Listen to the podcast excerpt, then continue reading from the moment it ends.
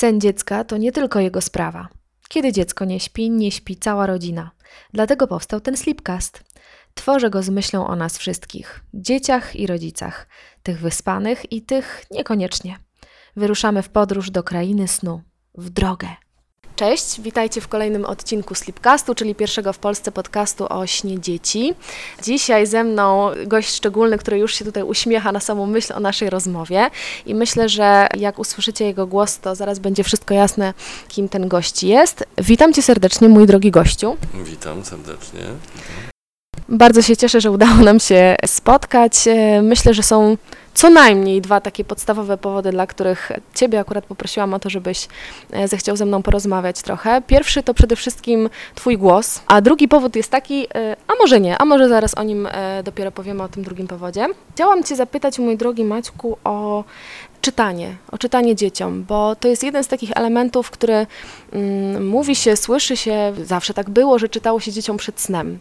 E, ale zanim o czytaniu dzieciom przed snem i po co i tak dalej, to czy ty masz jakąś taką książkę z dzieciństwa, którą może czytali ci rodzice, dziadkowie, albo którą pamiętasz szczególnie? Pewnie było ich kilka, tylko trzeba pamiętać o tym, że kiedy ja byłem dzieckiem, to czasy były zupełnie inne.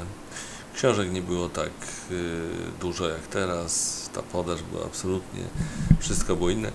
Myślę że, zresztą, że księgarnie akurat dawały sobie lepiej rady niż, radę niż na przykład sklepy mięsne, ale mimo wszystko no, no nie, nie, nie była to ta oferta, którą dziś widzimy w księgarniach. Poza tym, od kiedy ja byłem dzieckiem do teraz powstało dużo, mas, masa y, ciekawych książek. Dodatkowa sprawa, ale Wiersze Brzechw, y, Tuwima, to na pewno, baśnie Andersena na pewno. Potem pamiętam baśnie braci Grimm, które były przerażające, ale y, podobno dzieci lubią się bać, więc mm, stąd ta popularność. Co, y, Swoją drogą pamiętajmy, że, że baśnie Andersena, wiele z nich jest równie przerażających jak baśnie braci Grimm. No takie, że jak się je czyta, to aż włosy na głowie stają. Na pewno był Kubuś Puchatek. Musiał być, no bo Kubuś Mhm. Musiał być, mamy to, go to tu. klasyka. Mamy go z sobą. Co ciekawe, że jeszcze wtedy w dzieciństwie nie, nie, nie, nie pamiętam z tego wczesnego dzieciństwa różnych lektur fantastycznych typu Dzieci z Bullerbyn, które Mhm. odkryłem nieco później, też w dzieciństwie, ale trochę starszym. Ciekawa historia z Mikołajkiem jest moim ulubionym, Mhm. bo, bo ja go z dzieciństwa w ogóle nie pamiętam, on, mimo że on już wtedy był, tylko nie, nie pamiętam dokładnie historii Mikołajka. Chyba było tak, że on był wydany w Polsce, ale jakoś tak krótko, krótka seria i, i potem zniknął na długie lata i pojawił się w zupełnie innych czasach i zyskał popularność dopiero po wielu latach. Mhm. Także Ale ja Mikołajka odkryłem jako dorosły. Czyli to jest taka historia, która teraz dopiero jakby gdzieś tam, Tak. gdzieś tam wraca. No, ja mam przed sobą też wspomnianego przez Ciebie Kubusia Puchatka, no a to jest akurat wydanie, y, które y, podkradłam mojej mamie, ale które jest takim ukochanym, bo Tak. wiesz, to są, tak jak widzisz, pożółkłe kartki, tu, jest, Tak. tu, się, tu się dzieje cała historia. Tutaj co więcej, też Ci zdradzę coś ze, ze swojego y, No. dzieciństwa, tutaj są artystyczne dzieła Twojej rozmówczyni, O, najfantastyczniejsze cytaty, które mnie utkwiły w pamięci, jak ten na przykład Dziękuję Ci, Puchatku, prawdziwy z Ciebie przyjaciel, powiedział. No to po prostu to jest, wiesz, całe przeży- jakby książki na nowo. Takie myślę, że historie zostają, zostają w pamięci. A Twoim dzieciom jakie historie zostają w pamięci? też była grana klasyka i jakieś lektury doszły, na przykład z polskich autorów współczesnych, no to co robi Grzegorz Kazdepka, to jest, e, myślę, że dzieciom to bardzo odpowiada i, i to trafia do, do, do lektur szkolnych. Poza tym e, od wielu lat już współpracuję co dosyć intensywnie z Fundacją Cała Polska Czyta Dzieciom. Jestem ambasadorem tej fundacji. Fundacja wydaje, y, wydała i teraz wydaje drugi raz zestaw, taki, taką bibliotekę Fundacji Cała Polska Czyta Dzieciom, czyli książek polecanych dzieciom w różnym wieku, dzieciom i młodzieży. I One są jakieś szczególne? Sobie, t- tak, znaczy one są, można powiedzieć, certyfikowane przez Mhm. Fundację z panią Ireną Koźmińską na czele. Certyfikowane pod względem wartości, jaką niosą ze sobą, czyli jakie niosą ze sobą te książki. Znaczy, Mhm. ten certyfikat polega na, na tym, że jest sygnałem, że to jest, y, je- jest tam odpowiednia jakość. Więc myśmy od od któregoś momentu sięgali na półkę, tam stało, stał taki ładny pakiet właśnie tych propozycji od Fundacji Cała Polska Czyta Dzieciom. Sięgało się po jakąś książkę. Na obwolucie można było znaleźć informację, na jaki wiek jest przeznaczona dana Super. książka. Stwierdzałem, nie, no to jeszcze musimy poczekać, to szukamy dalej. I na przykład w ten sposób, całkiem przypadkiem, Mhm. trafiliśmy z moją córką na książkę Astrid Lindgren, której ja wcześniej nie znałem, Ronia, Ronia, córka zbójnika chyba. Mhm. I zaczęliśmy to czytać i oboje się zachwyciliśmy tą książką. Mhm. A potem wiem, że córka to sama jeszcze raz przeczytała. Czyli tam, tam są perełki. W Mhm. ogóle książek dla dzieci, szczerze mówiąc, jest bardzo dużo. Dobrych Mhm. książek dla dzieci też jest bardzo dużo. Mhm. Rzecz w tym, żeby no, czytać, sięgać do tych książek, znajdować odpowiednie propozycje, dobierać do wieku dobrze, żeby nie przestrzelić, bo jak się źle dobierze, to można zniechęcić i to jest bez sensu. Ale Jasne. myślę, że rodzice, jak to sądzisz? Rodzice Myślę, że intuicyjnie, właśnie. tak, myślę, że intuicyjnie czują to, co dzieci po prostu interesuje, bo to jest, wiesz, nie tylko kwestia tego, jakie są tam treści, ale też Tak. jacy są bohaterowie, No, prawda? oczywiście. Teraz triumfy święcą książki, w których e, są bohaterowie, których, które dzieci znają na przykład z bajek takich e, w telewizji czy, czy gdzieś oglądanych, Mm, ale ja wolę takie bajki, które są trochę takie inne, a przy okazji z uniwersalną treścią. Mam taką bajkę nawet tutaj. Wiesz, to, to, że ja ją wolę, to jest tam mało ważne, ale najważniejsze, że, że mój syn ją uwielbia, Tymek. I to jest bajka, która, e, która ma pacynkę w sobie, nazywa się Dobranoc Misiu i jest po prostu tak kochaną historią, mega prostą o, o tym, że, e, że miś idzie spać i jakby co musi po kolei zrobić. I, i ten miś ożywając w trakcie czytania e, moimi rękami, wiesz, jakby przeprowadza dziecko przez całą tą, mm, ten proces zasypiania. Bardzo, u nas bardzo pomaga i zawsze się kończy e, ziewnięciem na koniec. E, a tak, tak to właśnie jest e, z takimi historiami, że ta jest na przykład bardzo prosta. Tutaj nie, nie trzeba też wiele treści. I my akurat tą książkę, mimo że Tymek ma ponad 3 lata, czytamy praktycznie od samego początku, jak był jeszcze niemowlaczkiem, wiesz.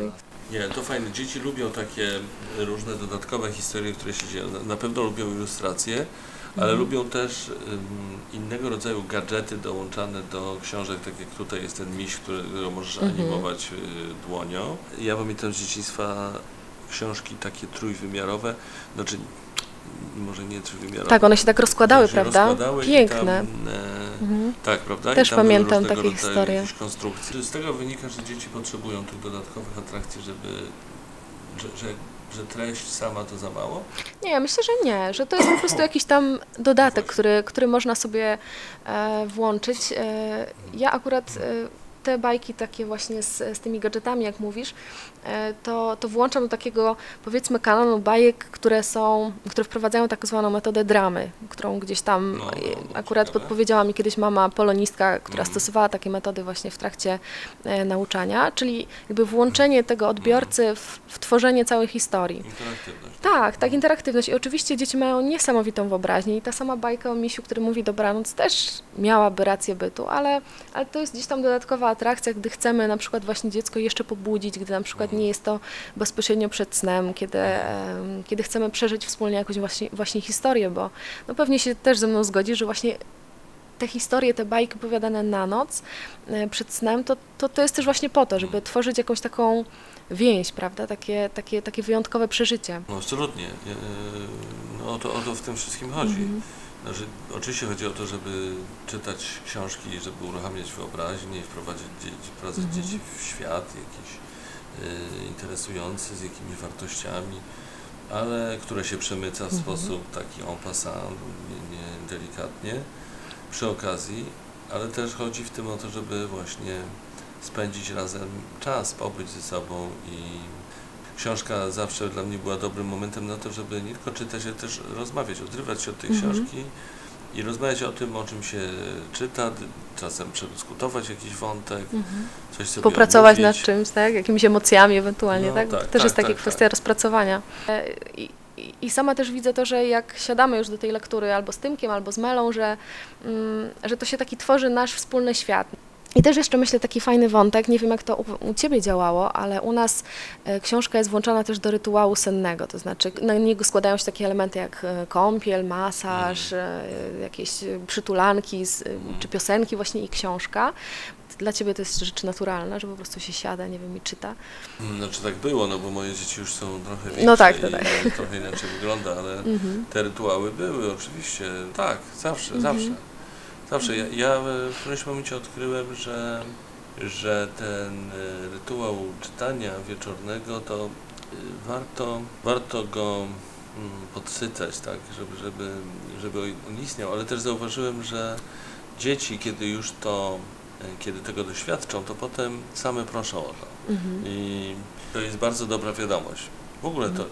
to jest świetna wiadomość, że dzieci chcą czytać, mimo że, mimo że mają do dyspozycji, mówię o tych dzieciach mniejszych. Tak. Chodzi o to, żeby nie przegapić tego momentu, kiedy dziecko jest gotowe wejść w świat książek, jest Mhm. gotowe spędzać ten czas, słuchać tego, co im dorośli czytają, siedzieć nad książkami, oglądać ilustracje. Mhm. Kiedy już samo czyta, no to, to oczywiście też jest trochę inaczej.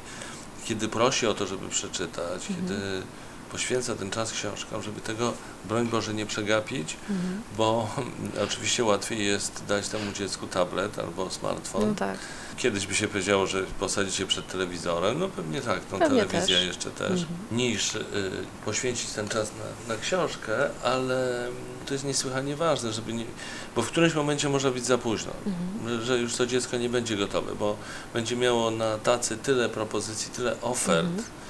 Związanych z, i z internetem, i z gadżetami, że możemy mieć problem z Mhm. książką, żeby wtedy dopiero Jasne. tę książkę tam proponować. A jeśli się zacznie to odpowiednio wcześniej, to nawet jak później dojdą różne historie, te nowoczesne, Mhm. to jest szansa, że ta książka jednak nie przepadnie. Ja bym jeszcze dodała do tego tylko taką może myśl już też z mojej działki tej sennej, e, że dla tych wszystkich zwolenników i orędowników tak zwanego samodzielnego zasypiania dzieci, to myślę, że jest taki apel, żeby jednak, okej, uczyć dziecko samodzielnie zasypiać, ale najpierw naprawdę poświęcić z nim Mm. trochę, nie wiem, 10 minut czasu, No tak. trzy bajeczki, tak? I wtedy będzie łatwiej. Ale jeszcze chciałam e, z Tobą przez chwilę porozmawiać o mm, Twojej książce, bo to też jest drugi powód, dla którego się tutaj też spotykamy. E, Tajemnicze przygody Meli w mojej dłoni, e, a jeszcze dwie książki też Twojego autorstwa, oparte na Twoich własnych przeżyciach z Twoimi dziećmi. No, tak, to znaczy dwie książki y, są dla dzieci w wieku przedszkolnym, a drugie pisałem z myślą o dzieciach w wieku wczesnoszkolnym i one się różnią Mhm. też konwencją i, i również formą, no bo te Mhm. książki dla dzieci w wieku szkolnym pisałem w pierwszej osobie raz jako dziewczynka chodząca do pierwszej, czy później do drugiej klasy, a raz jako chłopiec. Natomiast w tych książkach je- jedną z nich masz w ręku, Mhm. czyli Tajemnicze przygody Kubusia, Tajemnicze przygody Meli. To jest, y, nie ma pierwszej osoby. Mhm. Y, No i, i w tamtych, z tych starszych, to jest wszystko tu i teraz, y, na, na, na, na zabawnie. Chciałem, zależało mi na tym, żeby tam było dużo poczucia humoru i współczesne problemy współczesnych dzieci. Trochę mi tutaj był takim wzorem niedościgłym e, Mikołajek właśnie Mhm. jego no, ta, ta konwencja mikołajkowa. Natomiast y, tu Mhm. jest y, trochę realu, trochę tajemnicy. Tutaj połączyłem rzeczywistość z jakimiś zjawiskami niekoniecznie wytłumaczalnymi, trochę tajemniczymi, stąd Jak ta na przykład tajemnica. mówiące smoczki. Na przykład mówiące smoczki. A w, w jednej książce taką inspiratorem tych zdarzeń jest babcia, a w drugiej książce, akurat w tej Dziadek. o Meli, jest dziadek, który wręczył swojej wnuczce mały bursztynek, informując, że tej, ten bursztynek to taka pamiątka rodzinna i Mhm. on jest, ma takie niezwykłe właściwości, zresztą, że Mela się o tym przekona i rzeczywiście w każdym z opowiadań Mela się o tym przekonuje. Y, Dlaczego warto przeczytać przygody Meli i Kubusia? No, Oprócz dlatego, tego, że stworzymy wspólny, wspólny świat z dzieckiem i uśpimy je oby. To znaczy ja uważam, że niestety ta książka, tą książką się dziecka nie uśpi, A, bo widzisz. dziecko będzie słuchać. A to zaraz spróbujemy, spróbujemy razem przeczytać, tak żeby uśpić. Czy jaka do, książka dla dzieci jest e, No najlepsza? Taka, która spowoduje, że dziecko zaśnie, czy taka, która właśnie nie spowoduje, że zaśnie? Właściwie powinno się powiedzieć, że ta druga. Mhm. No znaczy jest tak ciekawa, że dziecko się wciągnie, no być może w którymś momencie padnie, jak to się mówi, po Tak. prostu no, siła wyższa.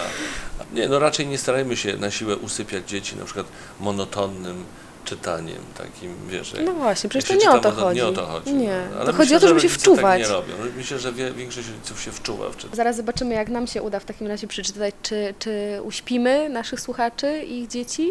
To co, przeczytajmy może Przeczytajmy. parę e, akapitów.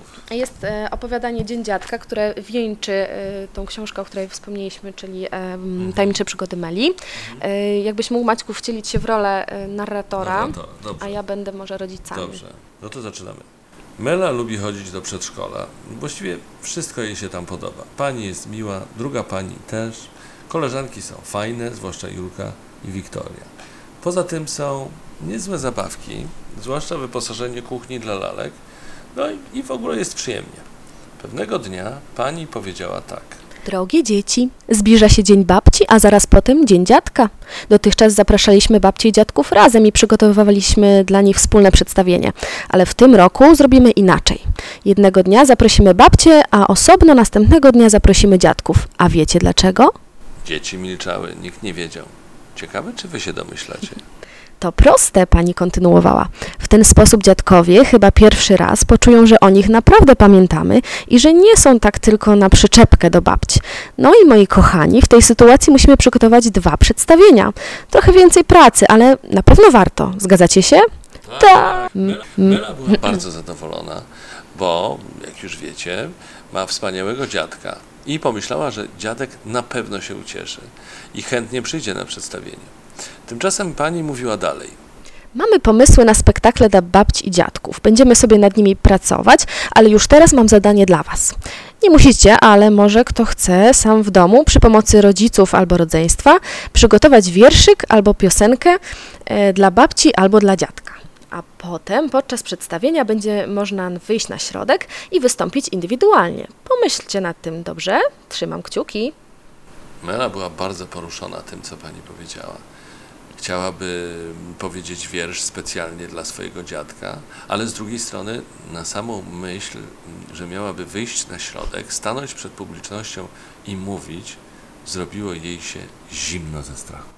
I to jest e, chwila napięcia i żeby się przekonać, co się wydarzyło dalej i czy Meli się w końcu udało, czy wystąpiła, to musicie się już przekonać z lektury książki. Bardzo e, Ci serdecznie dziękuję. Raz jeszcze moim gościem był Maciej Orłoś, autor nie tylko Tajemniczych Przygód Meli, również propagator e, czytania dzieciom książek.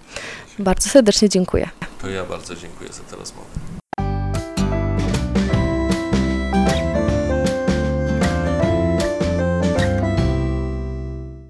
Dziękuję za czas poświęcony na wysłuchanie tego slipcastu.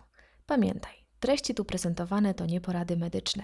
Jeśli coś Cię niepokoi w śnie Twojego dziecka, zawsze najpierw porozmawiaj z położną lub lekarzem. A w międzyczasie zapraszam na mojego bloga mamasubiektywnie.pl i do śledzenia mnie na Facebooku i nie tylko.